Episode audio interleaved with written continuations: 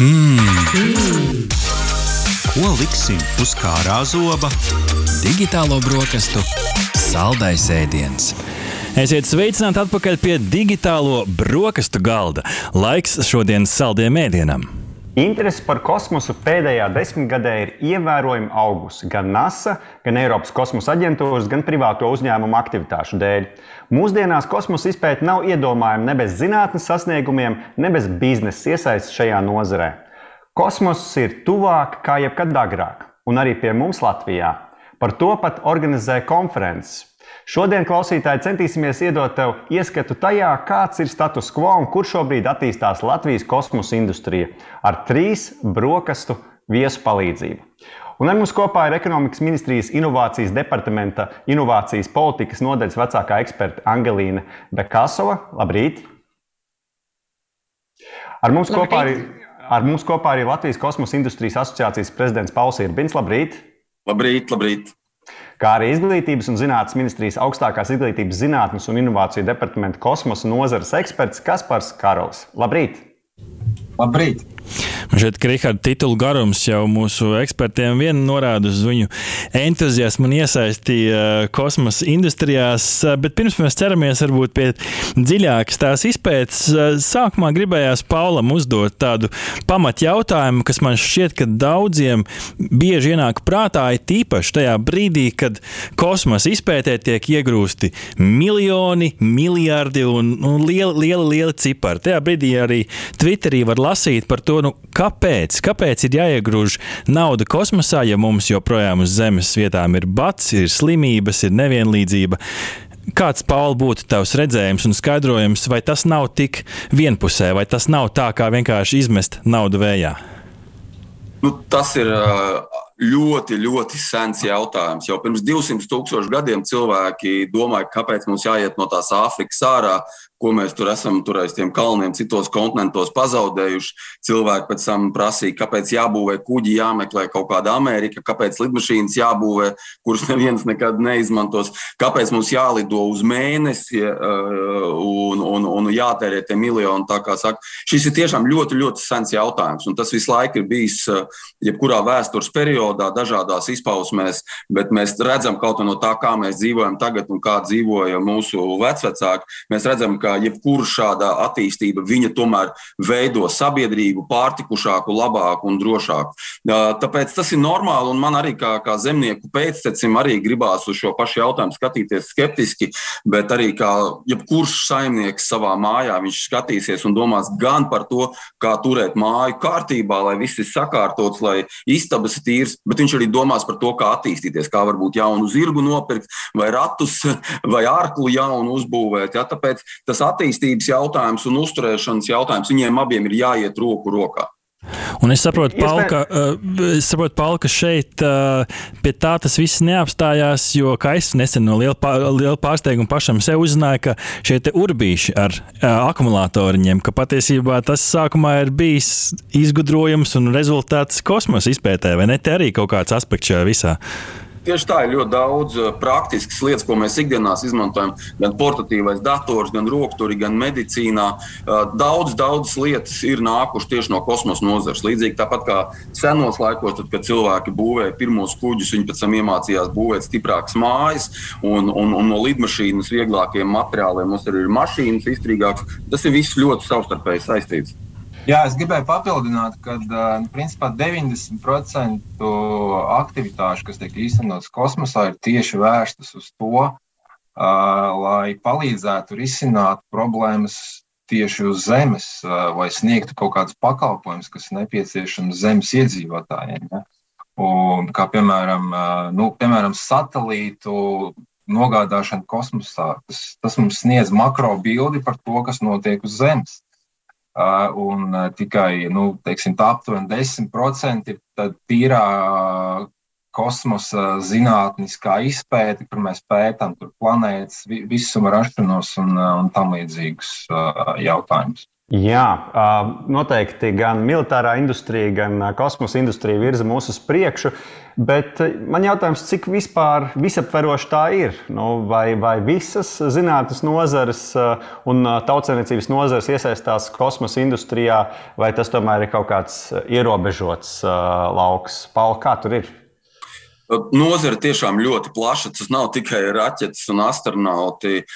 Kosmosa nozarē tiek attīstīti un izstrādāti viegli izturīgi materiāli, kas ir vajadzīgi, protams, gan kosmosa kuģiem, raķetēm, gan arī mašīnām, riteņiem. Tā ir attālinātā medicīna, jauni medikamenti, jauni ārstēšanas veidi. Tur ir bioloģija un ūdens attīrīšana, tur ir elektronika, viegla, ātrā elektronika, tur ir radiosakari, kuri, kuri mums ikdienā ir apkārt. Tur ir to, ko Kaspars jau jau minēja, zemes novērošanas dati, ievākšana dažādos spektros, kas palīdz zemniekiem, meža īpašniekiem labāk apsaimniekot savus īpašumus. Bet, bet tas nav tikai tehniskās zināšanas, tur ir arī jurisprudence, kas strādā pie, pie likumdošanas, tur ir arī ekonomika un biznesa, tur arī ir māksla, tur ir arī arhitektūra, kas domā, kā veidot vieglas un, un labas un efektīvas apmetnes. Tā kā principā mēs varam diezgan droši teikt, ka tā ir gandrīz eh, jebkura dzīves joma. Līdzīgi, nu, kā ja mēs skatāmies aviāciju mūsdienās, arī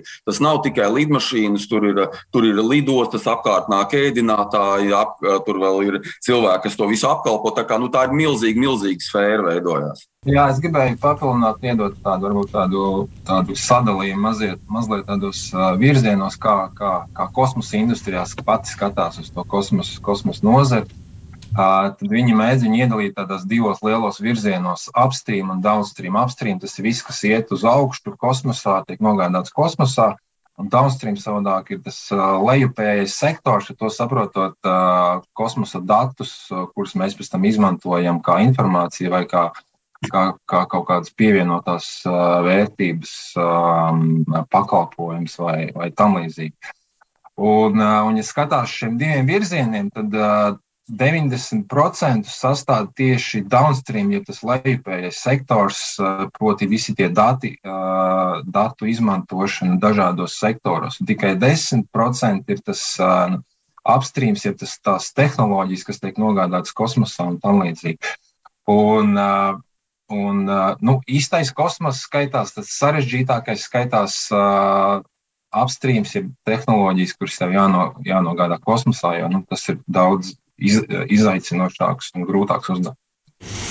Jā, daudz izaicinājumu mūs sagaida uz citām planētām, kur, kur gribam, gribam doties, bet man šķiet, ka pēc šī ievada vismaz man tāpat daudz skaidrāks arī, kāpēc, kāpēc ir vērts ieguldīt, jo patiesībā tas labums mums nāk, nāk atpakaļ. Sarunā, kas mums šodien ir veltīta, es vēlētos iziet cauri dažādiem piemēriem par, par to, kas, kas, kas mums šobrīd attīstās un kurā virzienā šeit Latvijā sanāca pabūt nesen vienai Deep Tech veltītā konferencē, kur, kuras divi keynote prezentācijas un šīs galvenās ievada prezentācijas, kas uzliek kaut kādus uzsvarus visai konferencei. Tur liels uzsvars tika likts tieši uz Eiropas zinātnieku un uzņēmēju centieniem būt daļai no šīs lielās kosmosa izpētes un saklausīt tādu aicinājumu. Pat ja jūs šobrīd neiesaistaties kosmosa industrijā, padomājiet divreiz, varbūt, jūs esat noderīgi un tik minēti dažādi piemēri. Tā skaitā zemnieki, kur var audzēt kartupeļus uz, uz Marsa, kas ir redzēts dažādās Holivudas filmās un tā tālāk. Varbūt varbūt šeit pirms es dodu vārdu arī pārējiem, pārējiem šodienas sarunas dalībniekiem, vēl pie Paula gribu atgriezties nu, tā kopumā ieskicēt, varbūt Pauli, tu vari, kuros virzienos mēs šeit Latvijā darbojamies, jau domājot par to, ka mēs iesaistamies dažādās šajās te kosmosa aktivitātēs. Kas varbūt ir tie galvenie darbības virzieni šobrīd?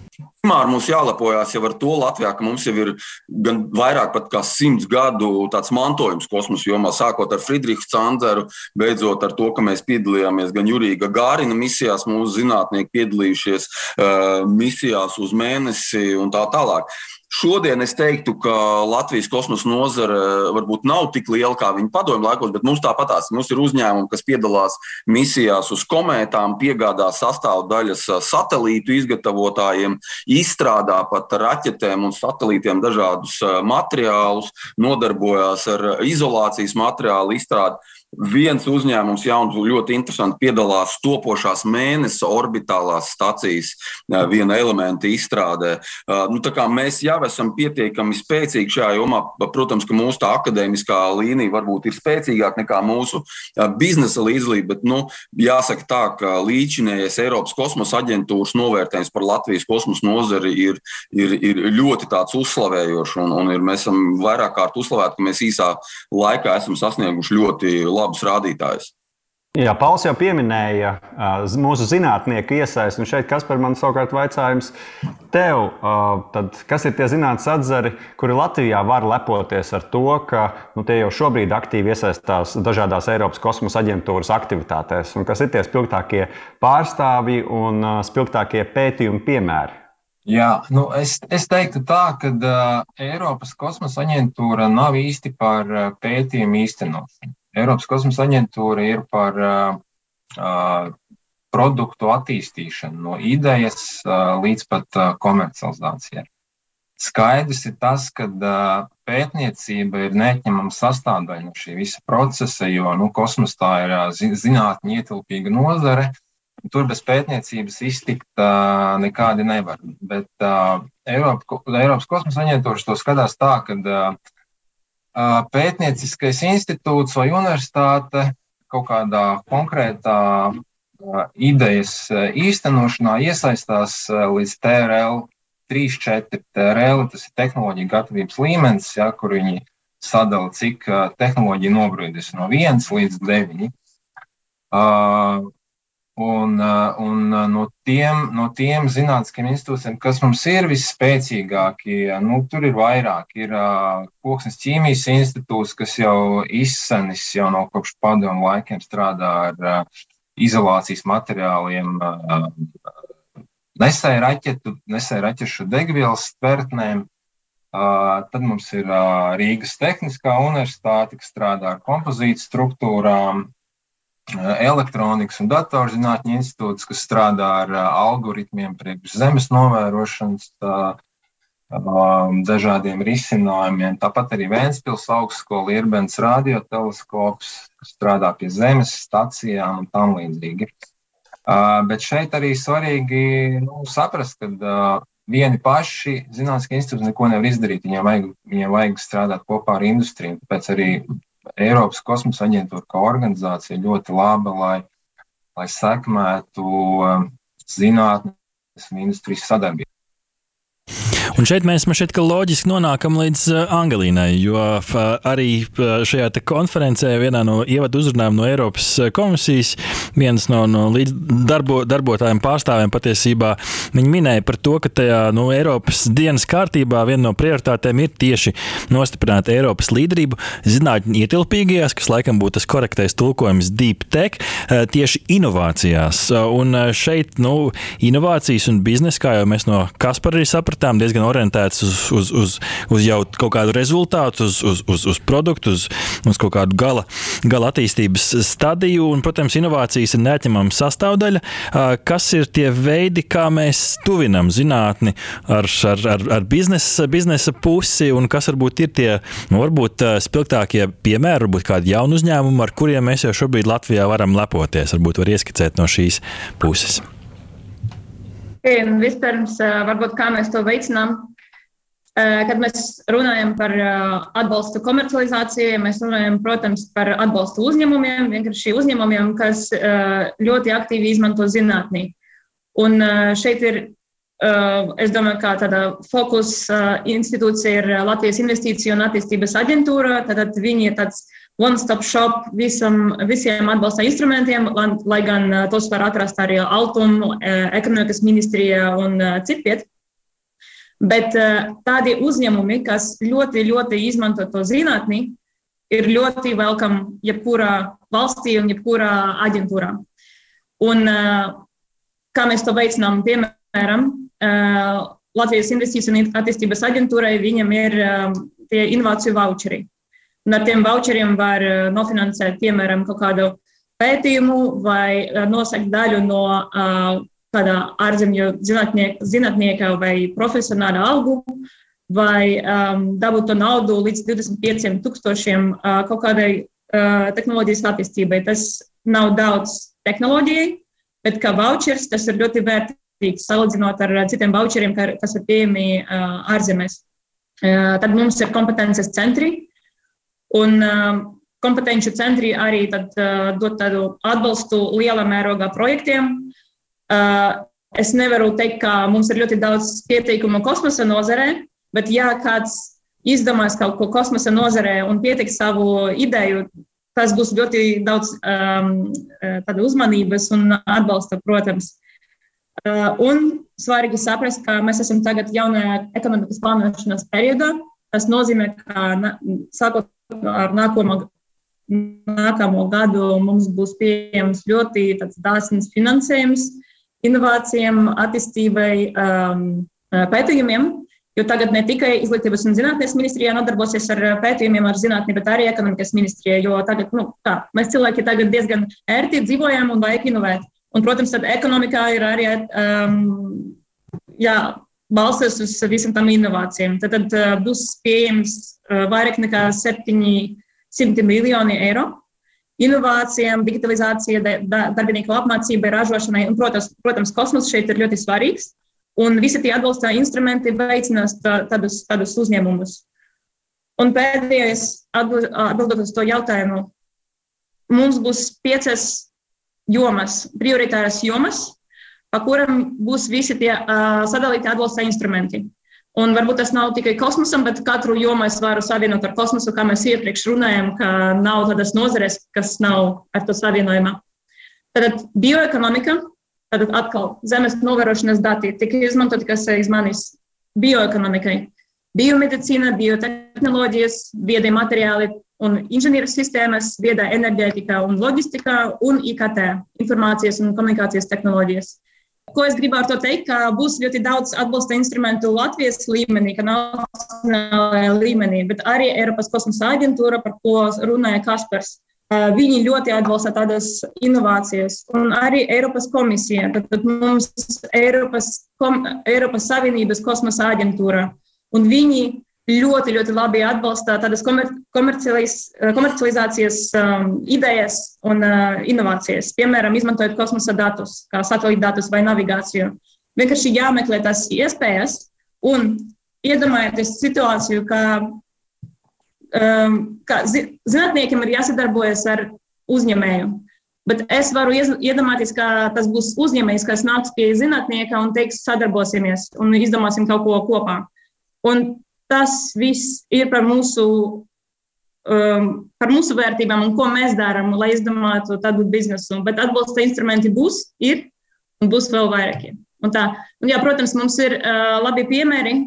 Uh, tos, kas kas Kaspars vai Pauls minēja, protams, viņi izmanto visas tās iespējas, bet tas viss ir atkarīgs no tā, cik aktīvs uzņēmums ir, lai meklējot kaut kādus atbalsta instrumentus.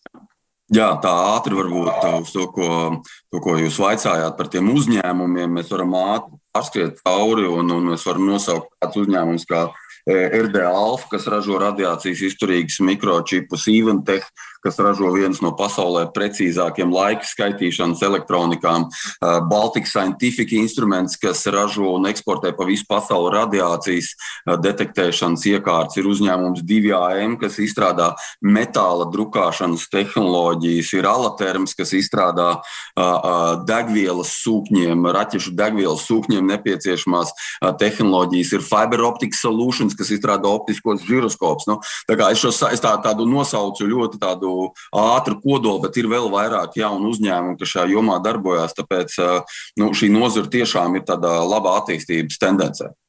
Lieliski mēs esam iedevuši diezgan plašu ieskatu tajā, kā Latvija darbojas kosmosa industrijā. Un, protams, Latvijai kļūstot par Eiropas kosmosa aģentūras biedru, man šeit tā iespēja kļūt par kosmonautu vairs nebija tikai sapņi, ko izsapņojam varbūt ar Holivudas grāvē, grāvējiem. Pauls ir, ir, ir piemērs, kurš man šeit iedēstīja to sēkliņu un to cerību, ka kādu dienu mēs ieraudzīsim arī pirmo latvieti kosmosā. Un te gribētos intervijas pēdējās minūtēs pavaicāt tev, Paul, cik tuvu mēs esam no tā, lai Latvijai būtu savs kosmonauts, ar kuru mēs varētu kādu dienu lepoties. Pašlaik joprojām notiek Eiropas kosmosa aģentūras astronauta atlase, kurā es zinu, viens no latviešiem joprojām piedalās atlasē. Es un vēl pāris cilvēki, kas arī bija pieteikušies, viņi mēs izkritām otrajā kārtā, bet nu, viens cilvēks ir saka, palicis no viena procenta tajā logā. Ir. Cerams, ka viņš ies tālāk. Bet, Praktiski skatoties, es domāju, tāpatās nu, pēc gadiem desmit mēs, mēs varēsim runāt tiešām par tādu uh, reālu kandidātu, kas varētu kļūt par astronautu.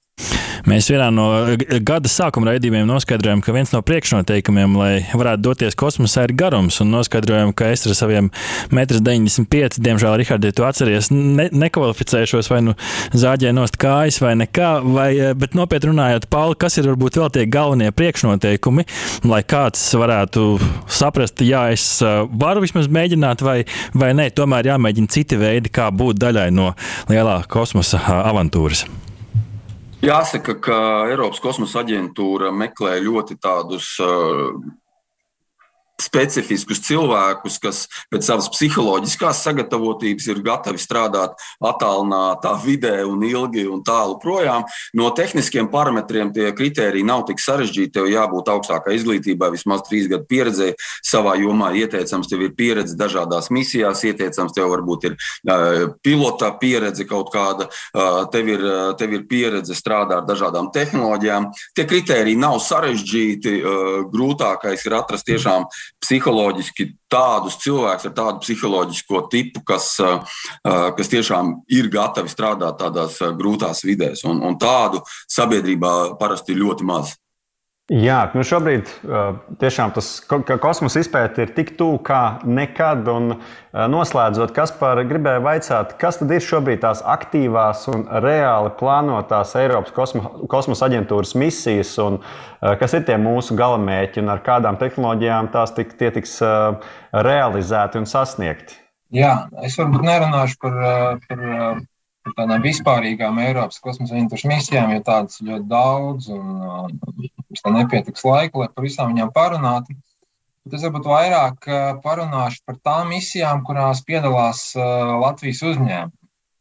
Ja pirmkārt, nu, tas pats fakts, ka Latvijas uzņēmumi piedalās divās globāla līmeņa kosmosa misijās, jau ir sasniegums. Jo, piemēram, Igaunijai tas izdevās tikai pēc pieciem gadiem, kad viņi, kad viņi, kad viņi bija kļuvuši par uh, Eiropas kosmosa aģentūras dalību valsti. Tā kā mazai, mazai valstī tas nav vienkāršs uzdevums iekļūt uh, globālā kosmosa misijā. Ja principā tas nozīmē, ka tā tava tehnoloģija, ar kuru tu tur ej, viņai jābūt ir, uh, nu, gatavai, vai, vai, taviem, vai taviem partneri tic uh, novērtē tavu to kompetenci ka tā tehnoloģija līdz, līdz misijas lai, laišanai gaisā būs, būs darboties spējīga. Un, mums tātad divi uzņēmumi iesaistījušies divās dažādās misijās. CIA Eventek ir iesaistījies misijā Hēra, kas ir tāda tā kā pirmā, pirmā planetārās aizsardzības misija, kuras mērķis ir noskaidrot, vai ar, ar kinētisku triecienu ir iespējams izmainīt uh, asteroīdu trajektoriju. Uh, ar to domājot, ja kādreiz nākotnē Zemē tuvosies kāds bīstams asteroīds, tad mums būs tehnoloģija, kā to novirzīt prom no Zemes. Ja.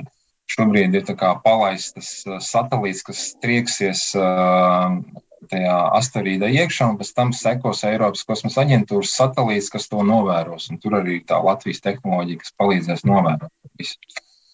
Uh, un otra misija ir vēl grandiozāka, ko, ko Pauls jau pieminēja, tā saucamā mēnesis stācijas misija, jeb angļuiski Lunar Gateway, jeb mēnesis vārteja, kas, kas, ir, kas, kas ir domāts uh, jauna uh, mēnesis stacija, esošās starptautiskās kosmosa stācijas vietā, ja esošā atrodas 400 km augstumā, apmēram lido apkārt, apkārt Zemē, ja, tad, tad šī jaunā būs 400 tūkstoši km augstumā. Viņa būs nu, diezgan tuvu mēnesim, un šīs stācijas mērķis būs nodrošināt kaut kad nākotnē cilvēku klātbūtni uz mēnesi.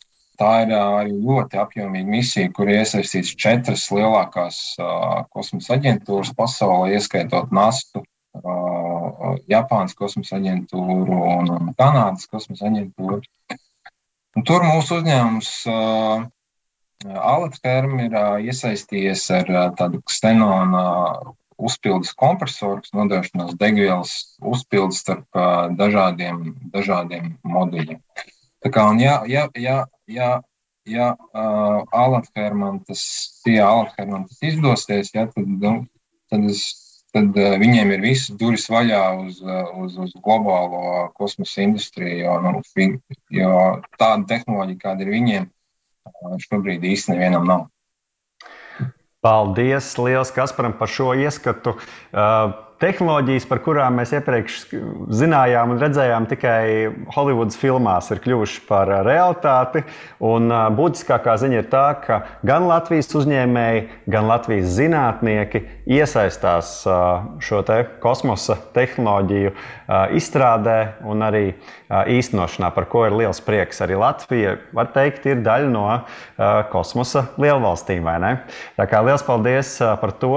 Un ar mums kopā šo visu pārējā pārunāja Angelīna Bekaso no ekonomikas ministrijas, tāpat arī Pauls Irbins, Latvijas kosmosa industrijas asociācijas prezidents un arī Kaspars Karols no Izglītības un zinātnes ministrijas. Paldies, ka bijāt šodien kopā ar mums!